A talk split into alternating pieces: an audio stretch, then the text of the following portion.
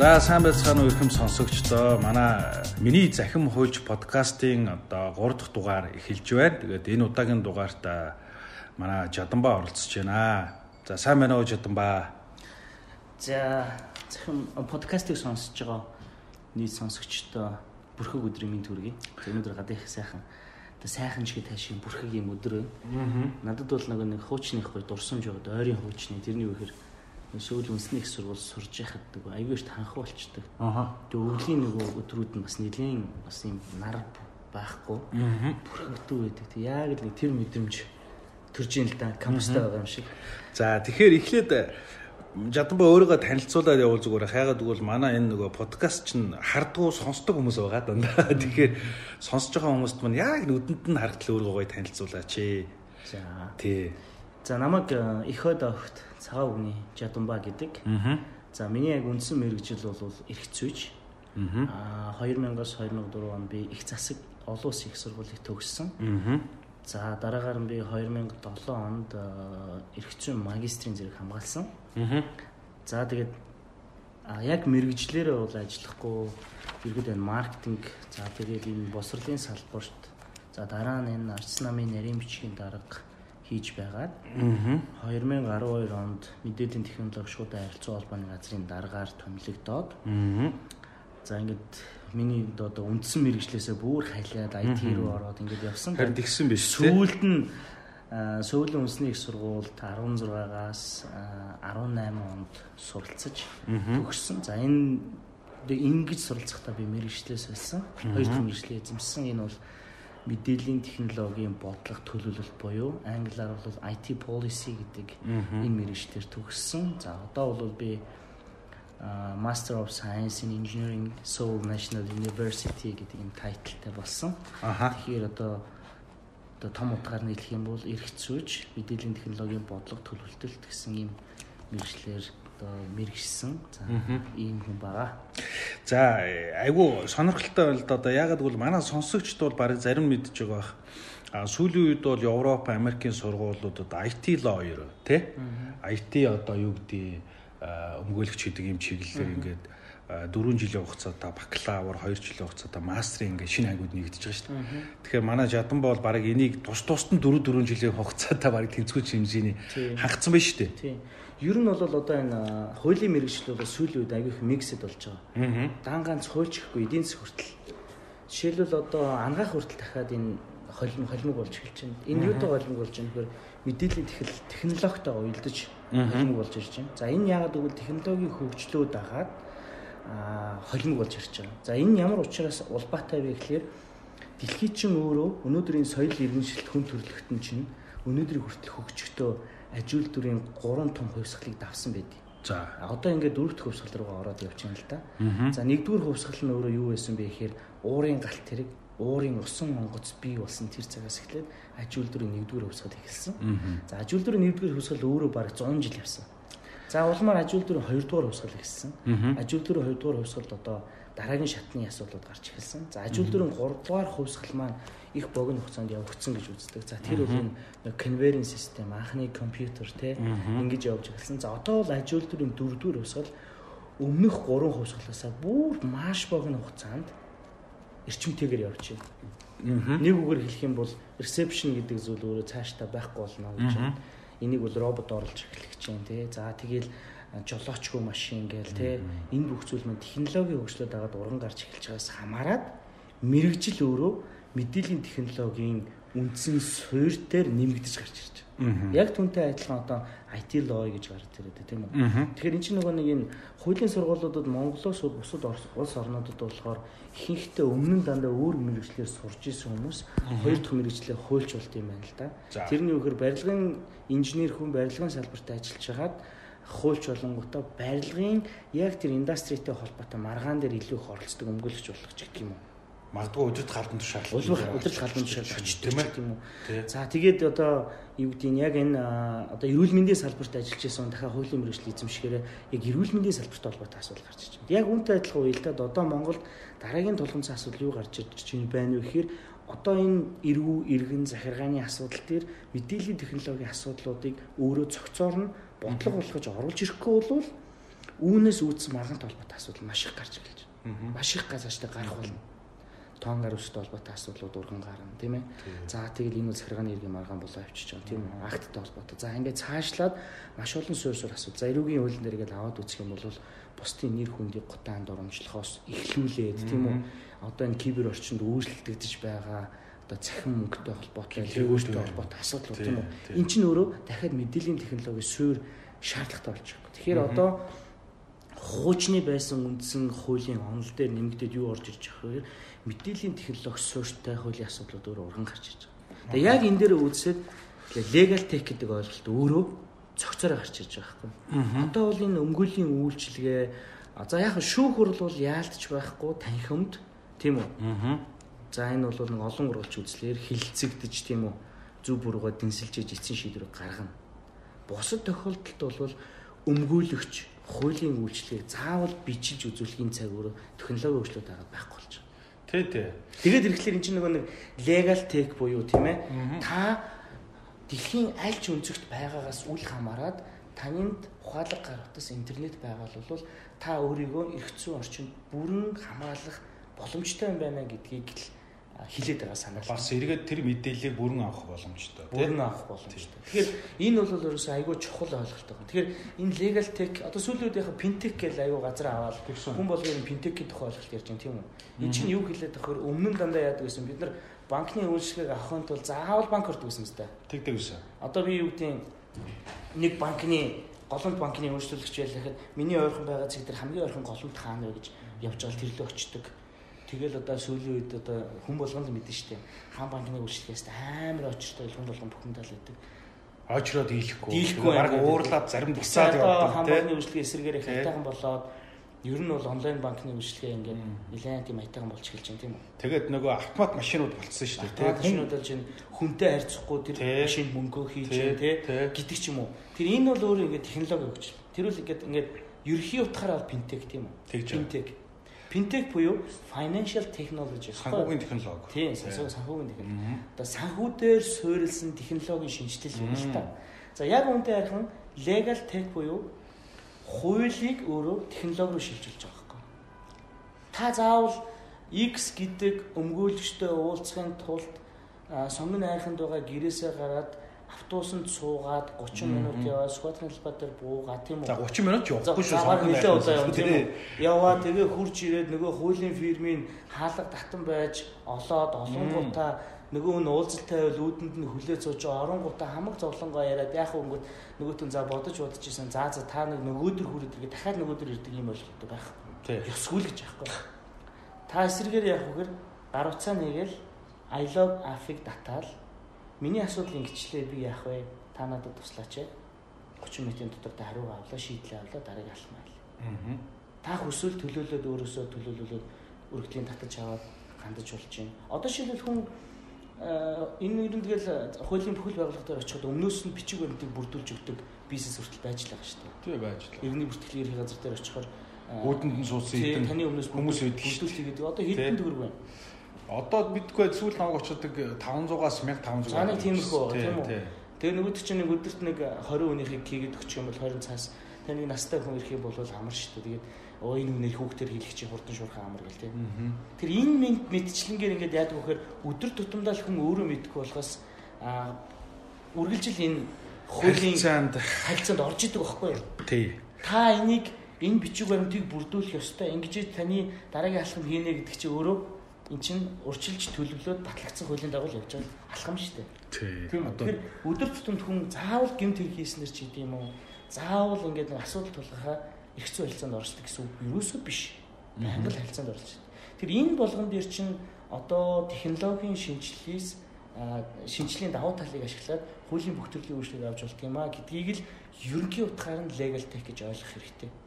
Тэр энэ том зурагч нь өөрөө дэлхийн технологийн хөгжлийг дагаад буюу миний түрүүний хэлсэн аж үйлдвэрийн дөрөвдүгээр хувьсгалтайгаар холбогдож байгаа юм. Салшгүй нэг эд ийс нь болж явна л да. Салшгүй. Тий. Цаашдаа ч өшөө өснө юм. Тий. За одоо хоёлоо яг нөгөө манай сонсогчдоос гайхсан бас нөгөө сэдвээ өгөхгүй шууд яриад явчлаа гэх тээ. Тэгэхээр өнөөдрийн битүүрийн сэдв бол дэлхийн хаашаа яваад байна вэ? Тэрэн дотор бас Монгол хаана яваад байгаа вэ гэдгийг бас хамруулж ярих нь зүйтэй. За юуны Жаданбагийн хувьд манай хүн чинь мэдээлэл технологийн газрын дараагаар 4 жил ажилласан. Одоо өөрөөр хэлбэл Монгол дахь мэдээллийн технологийн бодлого тодорхойлдог газрыг бас удирдах гэсэн. За тэгээд тэгээ яг сурчаангу сурчаад үргэлжлүүлээд төгсөө шууд солонгост очиод сурцсан шүү дээ бараг шахуу. Тэгээд энд байжгаад Монголын мэдээлэл технологийн салбарт өөрөө чанагдж байгаа солонгост очиод сураад шинэ сайенс IT-гаар сураад ингээд явах хоёрын хоорондын одоо тийм юу гэдгийг мэдлэгийн зөрүү гэхээс илүү тэгээд тэр нэг орчны зөрүү, технологийн хөгжлийн зөрүү энэ ямар байсан бэ? Одоо яг ингээд сурж ирчээд ингээ харж байхад манайх нь хаана явна? Солонгос хаана явна? Солонгосын мэдээллийн технологийн хөгжлийг бол зөвхөн дэлхийн түвшинд ярина үгүйс Монголтой харьцуулах сарцсан гол тээ. Аа Монголын энэ технологийн хөгжлийг дотор нь ер нь ангилах хэрэгтэй. Аха. За хэрэглэгч буюу хардвер талаас нь харах хэрэгтэй. За. Дид үтс талаас нь харах хэрэгтэй. Эрхцүү орчин талаас нь харах хэрэгтэй. Аха. За ингээ гурван түвшинд нь хувааж авч үзэх юм бол технологийн хэрэглээ буюу энэ төмөр гэж ярьд юм л да хардвер тийм үү хардвер одоо төмөр гэдэг нь юу хэлээд байгаа гар утсыг хэлээд байгаа. Аа за. Гар утас нэг лаптоп, ноут гэдэг юм те эдэр хэлээд байгаа. Энэ хэрэглээний төвшингээр авч үзэх юм бол манайх супер.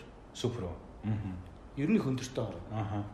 Нэг үрэлэл Азад манайх фэйсбүүкийн хэрэглээгээр нэг ч их садаа гэдэг чинь хүн амын тоонд нь харьцуулахаар өндөр байна шүү дээ. Тэгэхээр Facebook руу орж ирээ гэдэг чинь нэг төхөөрөмж ашиглаж ороод байгаа. Тэгэхээр тэр чинь смарт гарууц хэрэглээд байгаа зү. Тий, хэрэглэж байгаа. За тэгэхээр чин манай Монгол улсад дөрөв оператор байгаад байгаа зү. Тэгж байгаа. Тэгэхээр чи нэг хүн дунджаар нэгээс хоёр дугаартай байгаад байна да. Аа. Тэгэхээр тэр нэгээс хоёр дугаар дээр яаж нь нэг нь орчин үеийнх нэг нь араас үйл үеийнх хоёр төрлийн смарт утас байгаад байгаа зү. Бариад байна. За тийм. Энд чи өөрөө яаж нөхөр технологийн хэрэглээгээр бид нар дүн хэмлэх өндөр түвшинд гарчиж байгаа байхгүй? За. Их өндөр түвшин. Аазтай бол баг дээгүр. Тий, одоо зөвхөн Facebook-ийн тэр хамгийн сүүлд хийсэн судалгааны дүгнэлт дээр авч үзэх юм бол өндөрт гарч байгаа. За. Аа, дэд бүтц талаас авч үзэх юм бол Монгол өөр их онцлогтой. Өргөн уудам газар нутагтай. Нэг аймгаас нөгөө аймгийн хооронд аваад үцгэд багтаа бараг 200 км явж тэгж байгаа тэгж байгаа. За ингээл хамгийн баруун талын хэсэг хэд 1800 гаруй км байна. Тийм. Нилээ онш шүү дээ. Тийм. Зүүн зүг дорнод дээр чинь дахиад тэр анзаана. Тийм. Тэгэхээр ингээд аваад үзэхээр энэ өргөн уудам гац нутгийг хэрсэн өндөр хүрдний шилэн кабелийн сүлжээнээс талаас нь аваад үзэх юм бол бид нар чангуу хөрөнгө оруулалт хийцэн. Аа. Манай улсын хувьд. Улсын хувьд. Энэ үл тэгээ гологдохоргүй гэсэн.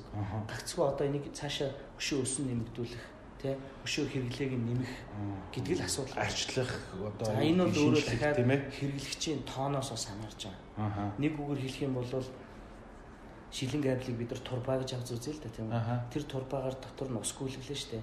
Тэр усыг бид нар мэдээлэл гэж авч үзье тийм үү. Гэтэл тэр мэдээллийг бид нар Улаанбаатар хотоос ингээ шахахад Баян-Онгор аймагт очиход Баян-Онгор аймгийн төв дээр хідэн хүн гар утас барьж байгаа бай. Тэр гар утаслаар гэдгийг бид нар хувин гэдэг аваад үзчихэ л тэ. Тэр тэр хүний хувинд орж байгаа ус нь мэдэл баггүй. Хотоос 10 литр ус шахахад тийшээ 2 литр ороод ир гэж байна үү? Тий 2 литр орж ийн гэдэг юм уу те. Ингээд янз бүрийн нөхцөл байдал байна л та. Тэр ингээд ингээд харьцуулаад аваад үзэх юм бол харьцангуй өөр өөр үзүүлэлтүүд гарна. Аа за. Тэр энийг бас дахиад ингээд тустай хэмжигдэхүүнүүд байгаад байна. Тэгэхээр энэ өөрөө дахиад эдийн засгтай холбоотой гэсэн. Би зүгээр одоо наад чинь бол ингээ акц замтаад адилхан юм шиг юм. Дэд бүтц талаас нь юуг нь хэлээд байгаа нөхөр харьцангуй мэдээллийн технологийн салбар бол дэд бүтцийн түвшинд бас ч гэж хөгжсөн гэсэн үг. А тэгвэл хангалттай биш байна тий. Дахиад энийг нэмэгдүүлэх шаардлагатай. Яг гэвэл технологи өөрөөс нь нэмэгдэж байгаа учраас түүнийг дагаад мэдээж энийг зөвлөх хэрэгтэй. Одоо залуучуудын зүйлүүд яриад байгаа юм байгаа ш нөгөө хувийн сектор, хувийн бизнесийн хурдыг төр хизээж гүйцэхгүй байна. Тэгэхэд 20 жил 10 жилээр тасаад явсан технологиг төр гүйцэхгээ дахиад 10 20 жил мөнгнаад байна гэдэг ааш. Тэгэхээр энд ирэн төр өөрөөр нь яаж оролцох хэвээр. Саяны таны хэлдэг тэр жишээ. Би яриагаад дуусах шээ. Тэгээд 3 дахь асуудал эргэцэн орчин. Энэ бол хамгийн чухал амин сүнс. Ерөөсөө Солонгос улстай харьцуулахад ганц л юмыг энийг л ярих хэрэгтэй. Тэр нь юу вэ гэхээр Солонгосын мэдээллийн технологийн салбар өнөөдөр дэлхийд ягаад топ болж хөгжөөд байгаа юм бэ гэхээр хамгийн чухал нь эргэцэн орчинд байна. Эргэцэн орчныг маш сайн хийж өгсөн учраас тэнд оюун юмч хамгаалагдаж байна. Тэнд бүтээл хийж болж байна. Тэндээс юм төрж байна. Төр нь яаж хувийн хвшлээ дэмжиж байна. Дэлхий зарж байна. Мөнгө хамгаалагдаж байна. Тэгэхээр эрх зүйн орчин бол ерөөсөө мэдээллийн технологийн хөгжлийн үндсээ л гэж ойлгох хэрэгтэй. Тэрнээс тэр шилэн кабелийн одоо юу гэдэг кабелийг тэр төмрийг бид нар бол хідүүл хідэн мянгаар нь худалдаж авч чадчих байгаа. Гагцгүй эрх зүйн орчин дээр бидэрт тулгамдж байгаа маш олон асуудал байгаа. Стартап компаниуд бид нар зөндөө байгууллагт чинь тэтгэр хүмүүсийг өсөн дэмжиж дахиад эрх зүйн орчин хэрэгтэй. Тэгэхээр бидний үгдэгд эрх зүйн орчныг энэ олон улсын талаас нь харж маш сайн уялдуулж хөгжүүлэх шаардлагатай. Сайн дуршлагуудыг бол нэвтрүүлэх нэвтрүүлэх ёстой. Тэгэхээр энэ бол өөрөө Монголын мэдээллийн технологиг өшөө одоо олон улстай харьцуулах төвшөнд очиод энэ л тулгамс асуудал болж юм. Энийг л цааш нь хөгжүүлэх ёстой. За түрүүн миний асуусан асуултанд хоёлаа. Асуултад автаач. Бараг би яриг чи сонсож байгаа асуултаа мартчихсан. За энэ технологийн хурдыг төр гүйцэхгүй байна гэдэг шүү дээ. Хувийн секторуудын. Одоо Google байна, Amazon байна. Эдгээр чинь дандаа хувийн компаниуд шүү дээ. Тэрнтэй адилхан Монголд бас юм хувийн компаниуд байна. Тэгээ шийдэл гаргаж ирээд хэрэгжүүлэх явдаг төртөө ямар нэгэн байдлаар одоо цохол юу гэдэг хамтарч ажиллая, эсвэл үйлчлэгээ нэвтрүүлгийг ингээд нэгтрах гэхээр төр төрийнхөө өөрийнх нь бодол гаргаж байгаа хурд, хэрэгжүүлж байгаа хурд, гүйцэтгэж байгаа хурд гүйцэхгүй байна гэдэг байгаа байхгүй залуучууд. Тэгэхээр энэ дээр яах ёстой юм бэ? За би бол нөгөө нэг нэг зүйлийг бол аюу сан сурж явах хугацаанд ихтгэл үнэмшил болгосон. Мэдхгүй зүйлийг мэдхгүй гэж хэл сурсан гэдэг. Тэгэхээр яг үндсэндээ төрд ямар програм яваад хувьд ямар програм яваа тэр хоёрын хооронд ямар зөрчилдөөн гараад одоо гараад байгаа гэдгийг л хийж мэдэхгүй учраас яг энэ дээр надад бол хариулт алга. Зүгээр өнгөрсөнд бол намайг ажиллаж байх үед бол аа сайн менежментүүд бол тодорхой түвшиндээ хийгдээд харьцангуйгаар ямар ч байсан төрийн мэдээллийн систем бол сайжирсан. Одоо шөөрөх сайжирсан байх ёстой. Тэгэхээр бол би нэг хоцрогдсон гэж бол хэлж чадахгүй байна. Гагцгүй зүгээр менежментийн асуудал байхыг үүсэв. Одоо хоёул дараагийн нэг чухал бас асуудал байгаа. Манай одоо энэ ялангуяа шүүхтэр явж байгаа процессууд дээр нөгөө Монгол улс чиг сойж төрүн тийм ром грамманы системтэй ч гэдэг юм уу тэрнээс авахгүйлаад а үнэлэгддэг нотлох баримт нь өөрөө бичгийн нотлох баримтыг шаарддаг тийм.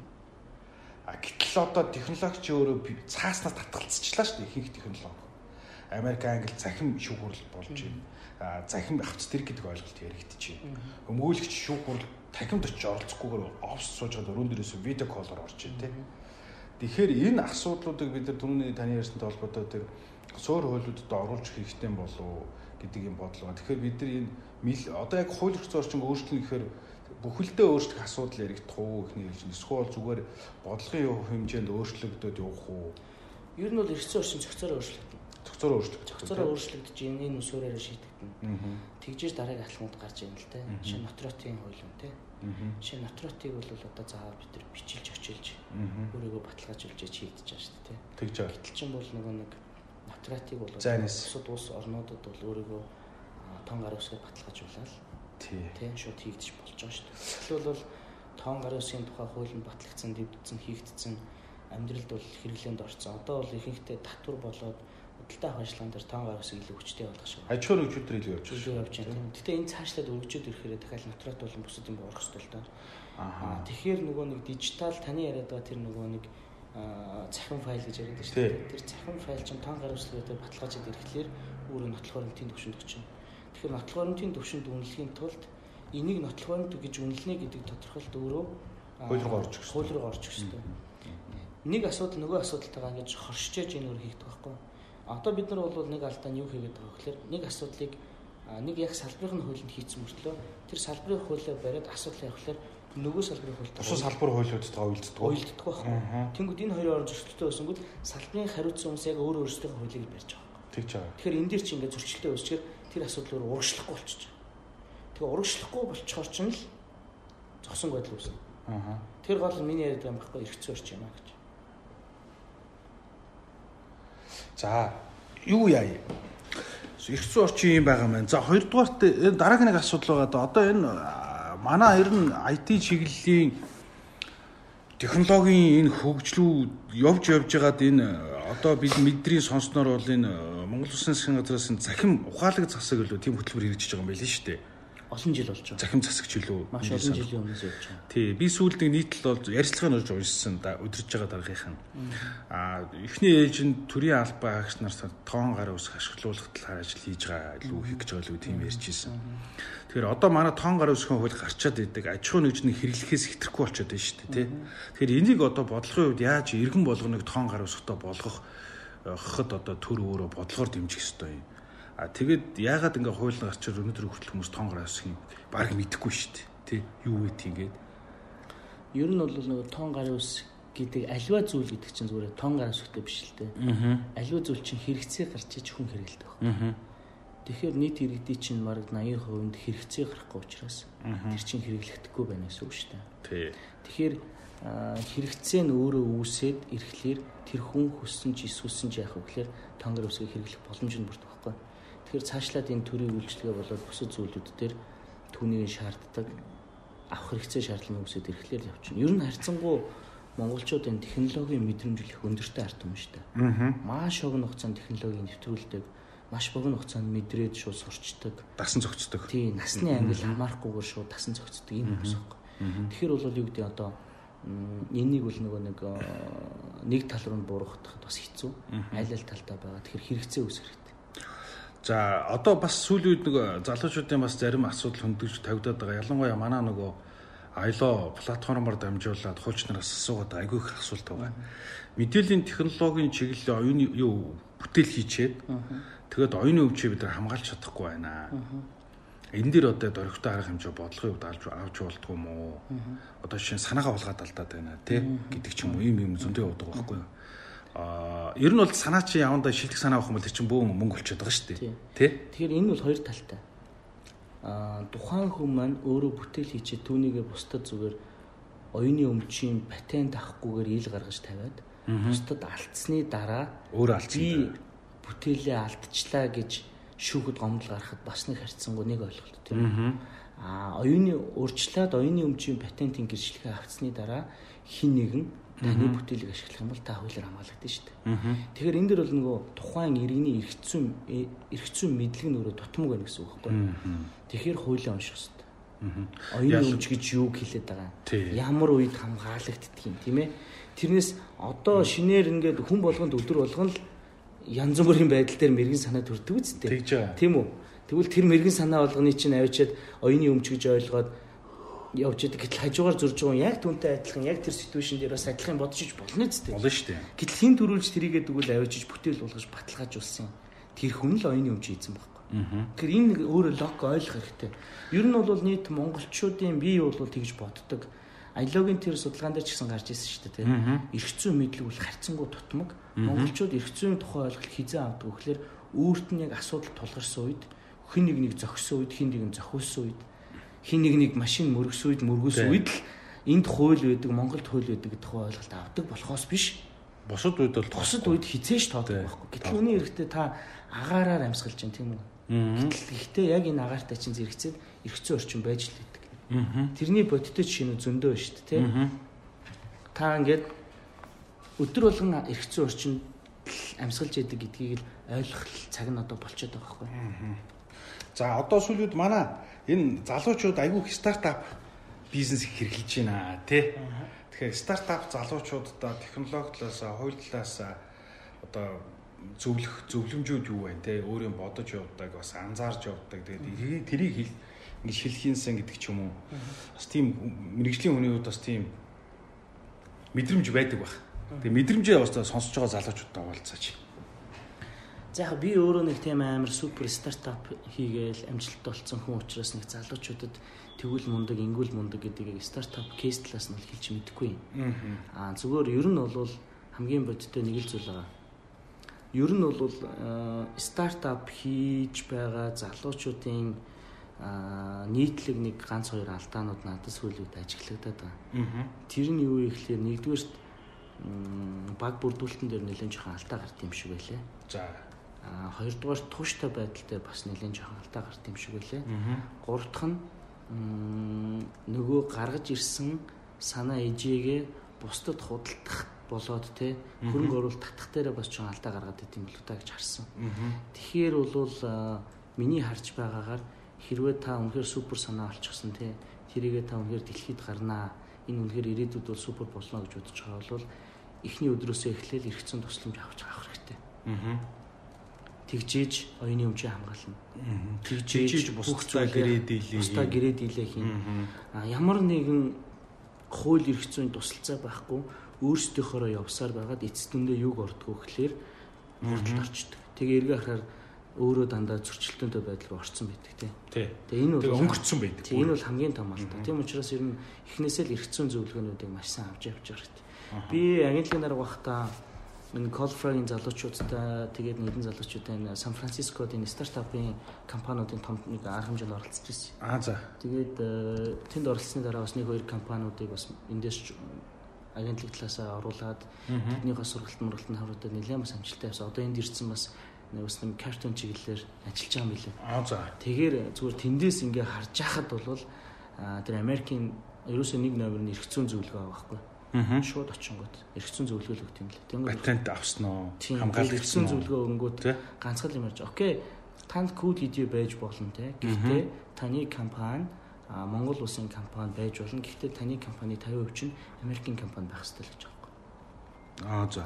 Цаанаасаа бүр тийм шаардлага тэгжээж илүү та бодтойгоор хөрөнгө оруулалт татнаа. Тэрнээс Америк хүн жишээлбэл Монголын стартап компанид хизээч хөрөнгө оруулалт хийхгүй. Аа. Америкийн компанид хөрөнгө оруулалт хийдэг юм а гэж байгаа юм. Тэгжээж ядгүй тэр өөрийнхөө хөрөнгө оруулалтыг баталгаатай гэж үздэг. Эрх зүйн орчин хамгаалалтыг гэж үздэг. Тэгэхээр эндээс аваад үзэхлээр би түрүүнд хэлсэн шүү дээ хөрөнгө оруулалтын асуудал гэж тийм. Тий. Хөрөнгө оруулалтын асуудал нь өөрөө зүйн орчны хөрөнгө баталгаажсан байх юм бол ямар ч хөрөнгө оруулагч татгалцахгүйгээр санааг дэмждэг.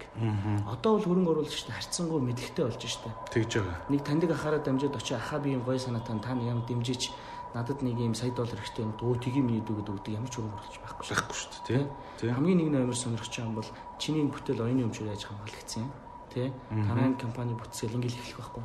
Тэгэхээр энэ мэтлэнгээр ингээд нэг номерын асуудал бол эргэцэн орчны асуудал байгаамаа. Тэгэхээр эргэцэн орчныг анханасаа зөв суурин тавьж өгöd явахгүй болвол мянган санаатай залуучууд монголоор дүүрэн байгаа. Тэр бүх залуучуудын оюун ухаанд бодож байгаа зөндөө байгаа. Тэр хүмүүс зөндөө боломжууд байгаа. Гэхдээ тэр боломжийг бодит утгаараа хөрөнгө оруулалт болгоё л гэж бол эргэцэн орчинд л найдах хэрэгтэй. За ер нь бол дараагийн бас нэг чухал сэдв байгаа шилжид орчвол баг энэтэй холбоотой баг. Түрүү бидний хоёлаа нэрээ өгчсэн. Дэлхий хаашаа явж байна гэх тээ. За дэлхий өөрийн чинь бодлоор технологийн хувьд, инновацийн хувьд хаашаа явж байна. Дэлхийн инновацийг хоёлаа ярих юм бол өнөөдрийн цаг үе. За. Аа дэлхий бол аж үйлдвэрийн дөрөвдүгээр хувьсгалаа дагаад маш хурдтайгаар өөрчлөгдөж байна. Аа энэ дөрөвдүгээр хувьсгал өөрөө юуг агуулж байгаа гэхээр цаанаа их дэлхийгээ хайрлах тийм ээ гэдэг энэ том бас агуулгыг давхар агуулж явж байна. Дээрээс нь аюулгүй байдлыг давхар агуулж байна тийм ээ. Гуравдугаарт хамгийн хөнгөвчлсөн байдлаар одоо хэрэглэгчийг те амьдралд нь тайван байх энэ юм зүйлүүдийг агуулж байна тийм үү. Тэгэхээр инновац сүүлийн үед бол дандаа л энэ чиглэл рүүгээ явж байна гэсэн үг. Тэгэхээр яаж юм нөхөр сүүшин нүүрсийг орлох бүтээгдэхүүн. Нефтийг орлох бүтээгдэхүүн. Цахилгаан машин тий. Одоо шин тэр жолоочгүй машин гэж гэж. Тэнгүүд хүн гайхаж. Жолоочгүй машин хүнд хэрэгтэй ингэж тий. Нарны эрчим хүчээр ажилладаг. статистикаар дэлхий дээр маш өдөр тутам хичнээн сая хүн зөвхөн энэ автоваар өнгөрч идэг, хорвоо өргөдөг. Тэр статистик үзүүлэлт маш өндөр. Монголд тэр тэр маш өндөр гараад байгаа шүү дээ. Монгол бас Маш дээгүүр явж байгаа шүү дээ. Гэтэл- харьцуулбал. Тэрийг дандаа хин хийдгүү хэр хүн хийдэг. Жолооны ард хүн суучдаг. Тэгэхээр тэр хүн яадаг вөхөр ямар нэгэн байдлаар дүрм зөрчдөг. Тэг тэг. Аюулгүй байдлын хэмжээ хэмжээг таавдаг тийм үү? Санаатай ч болгоомж Болгоомжгүй хэлбэрээр. Тэрнээсээ хамаараа яадаг аюул гаргадаг байх юм шүү дээ. Тэнгүү тэр жолоочгүй машин яадаг вөхөр урьдчилан төлөвлөгдсөн яг тэр дүрм журмын дагуу явдаг. Инээсээ хамаараа яаж юм аюул өслийн хэмжээ багаснаа гэж. За окей. За тэнгүү цаашлангууд энэ гадаагаа паркныг хардаа өглөө унж ирэл орон унж явдаг хэдэн зуун машин байгаа Тий. сте. Бүгдлэрлийн үнсийн дэхгүй. Аа. Нэг хүн нэг машин унаад шүү дээ. Тэгээд нэг хөдөлгөөрөө бүгд хөдөлгөө. Бүгд хөдөлж чинь. Тэгэхээр хот бүгдлөрөөд байна тийм үү? Гэтэл чин тэр жолоочгүй машин юу хэлээд байна вэгээр цаашдаа юу болох вэ гэхээр жишээ нь солонгос энэ төрөлдөг гэдэг байхгүй. Өглөө нэг машин ирлээ таныг авлаа. Ажилдаа ч үрж өглөө яваад өг. А яг гарах цагаар ч ирээл. Гарах цагаар ч ирээ буцаа аваа явчихна. Тэгэхээр хөдөлгөөн саарах нь шүү дээ. Хөдөлгөө саарчна. Тэгэр бол нэг хүн нэг машин ирэхгүй болчихж байгаа. Тийм ээ. А тэр машин чинь дахиад өөр хүн Тэр хөдөлгөөр тэр машин дараагийн сервис дээр өөр хүнд үйлчилж явах байхгүй. Өөрөөр хэлбэл нэг машин өдөр 100 100 хүнд үржиж. 100 хүнд үйлчилнэ. 100 машиныг байхгүй болгож байгаа. Тийм ээ. Тэр энэ одоо шинэ юм салбар гарч ирж байгаа шүү дээ. Тэр энийг инновац гэдэг байгаа байхгүй. Аа. Тэр инновац өөрөө яаж юм нөхөр амьдрал дээр уяхаараа хөрөнгө мөнгө болдог байхгүй. Аа. Тэр энэ тухай л яриад байгаа.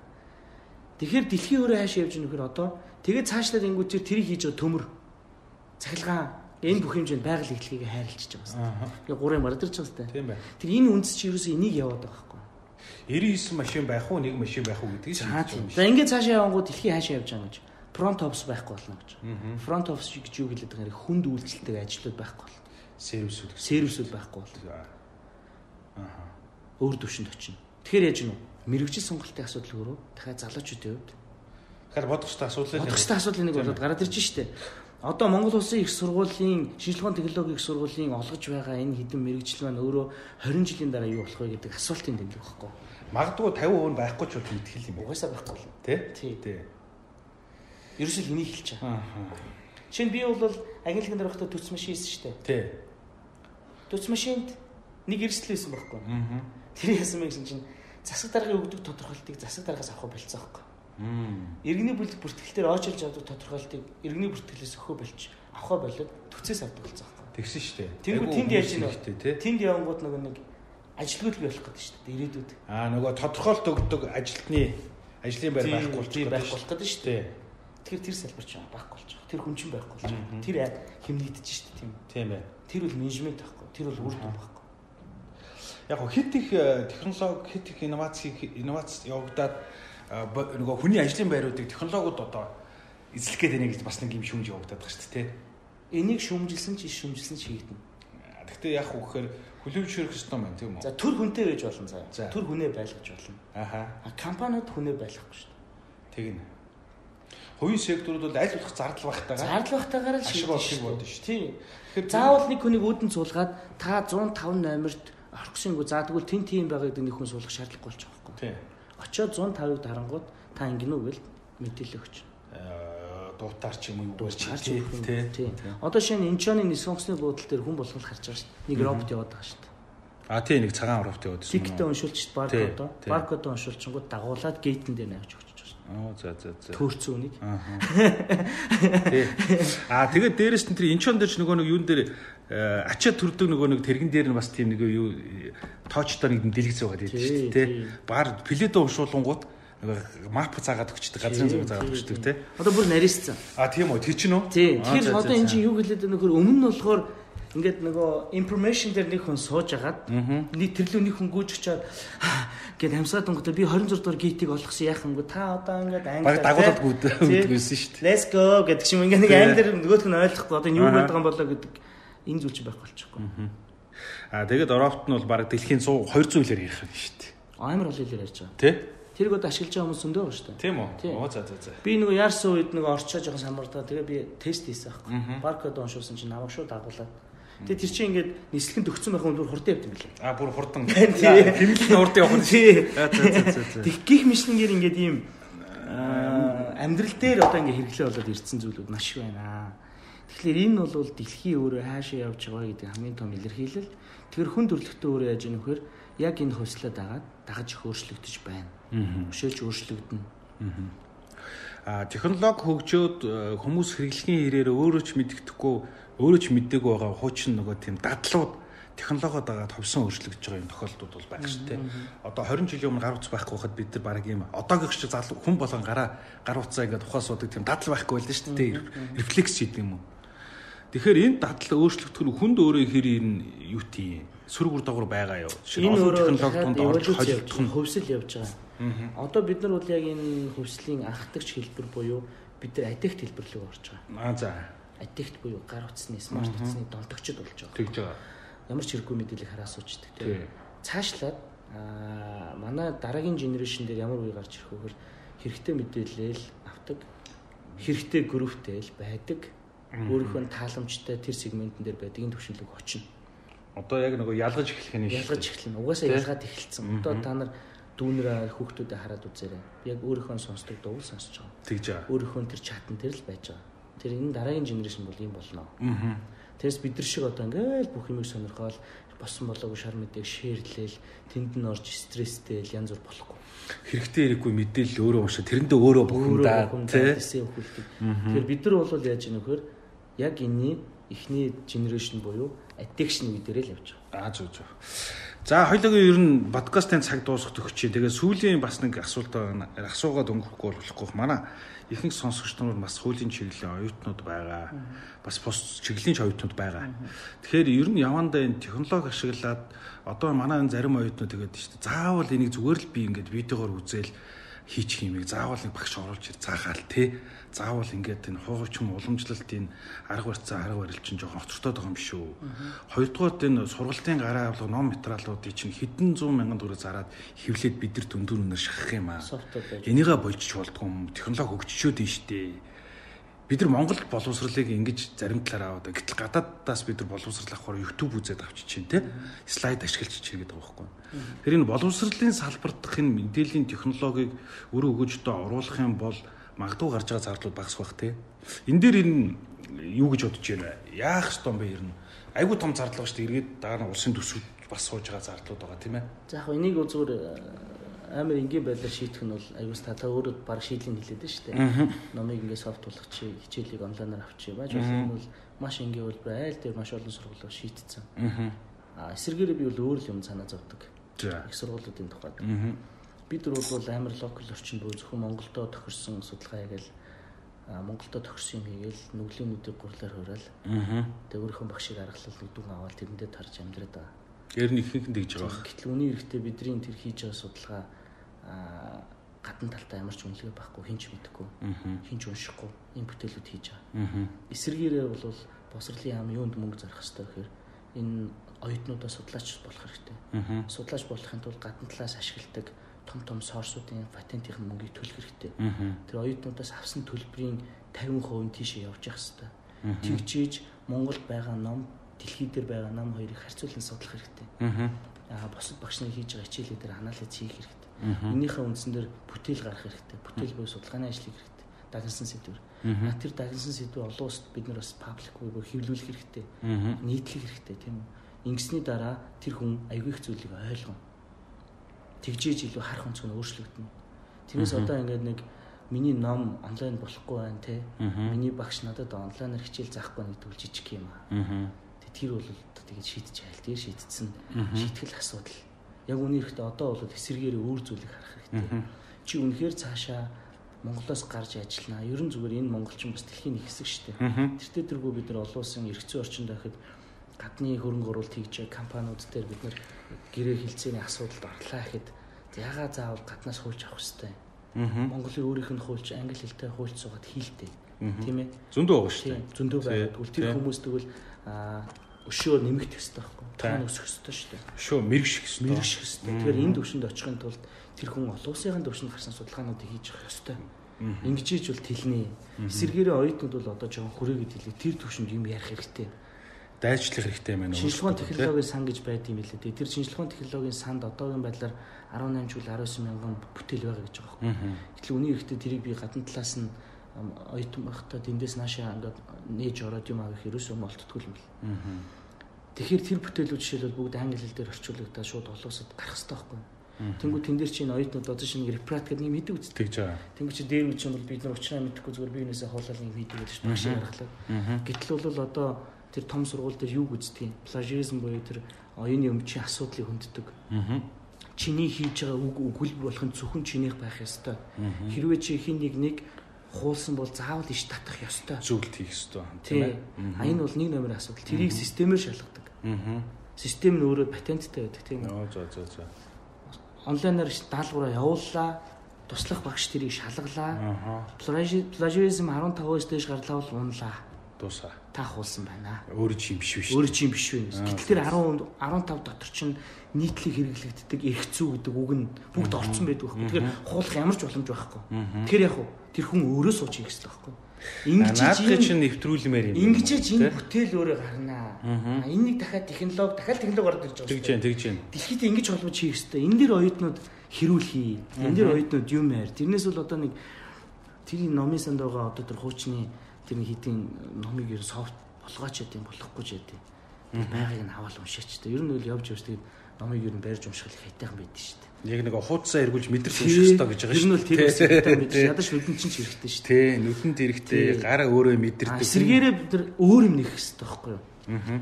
Гэхдээ биднийг ингээд тэр их газрын эрх зүйн тогтолцоотой гэдэг тийм үү. Гэтэл манай энэ хуулиудаар ийм асуудлууд гэтэл энэ төсөөтэй хуулиудыг яг манайтай эжилчтэй улс орнууд яаж шийдсэн юм?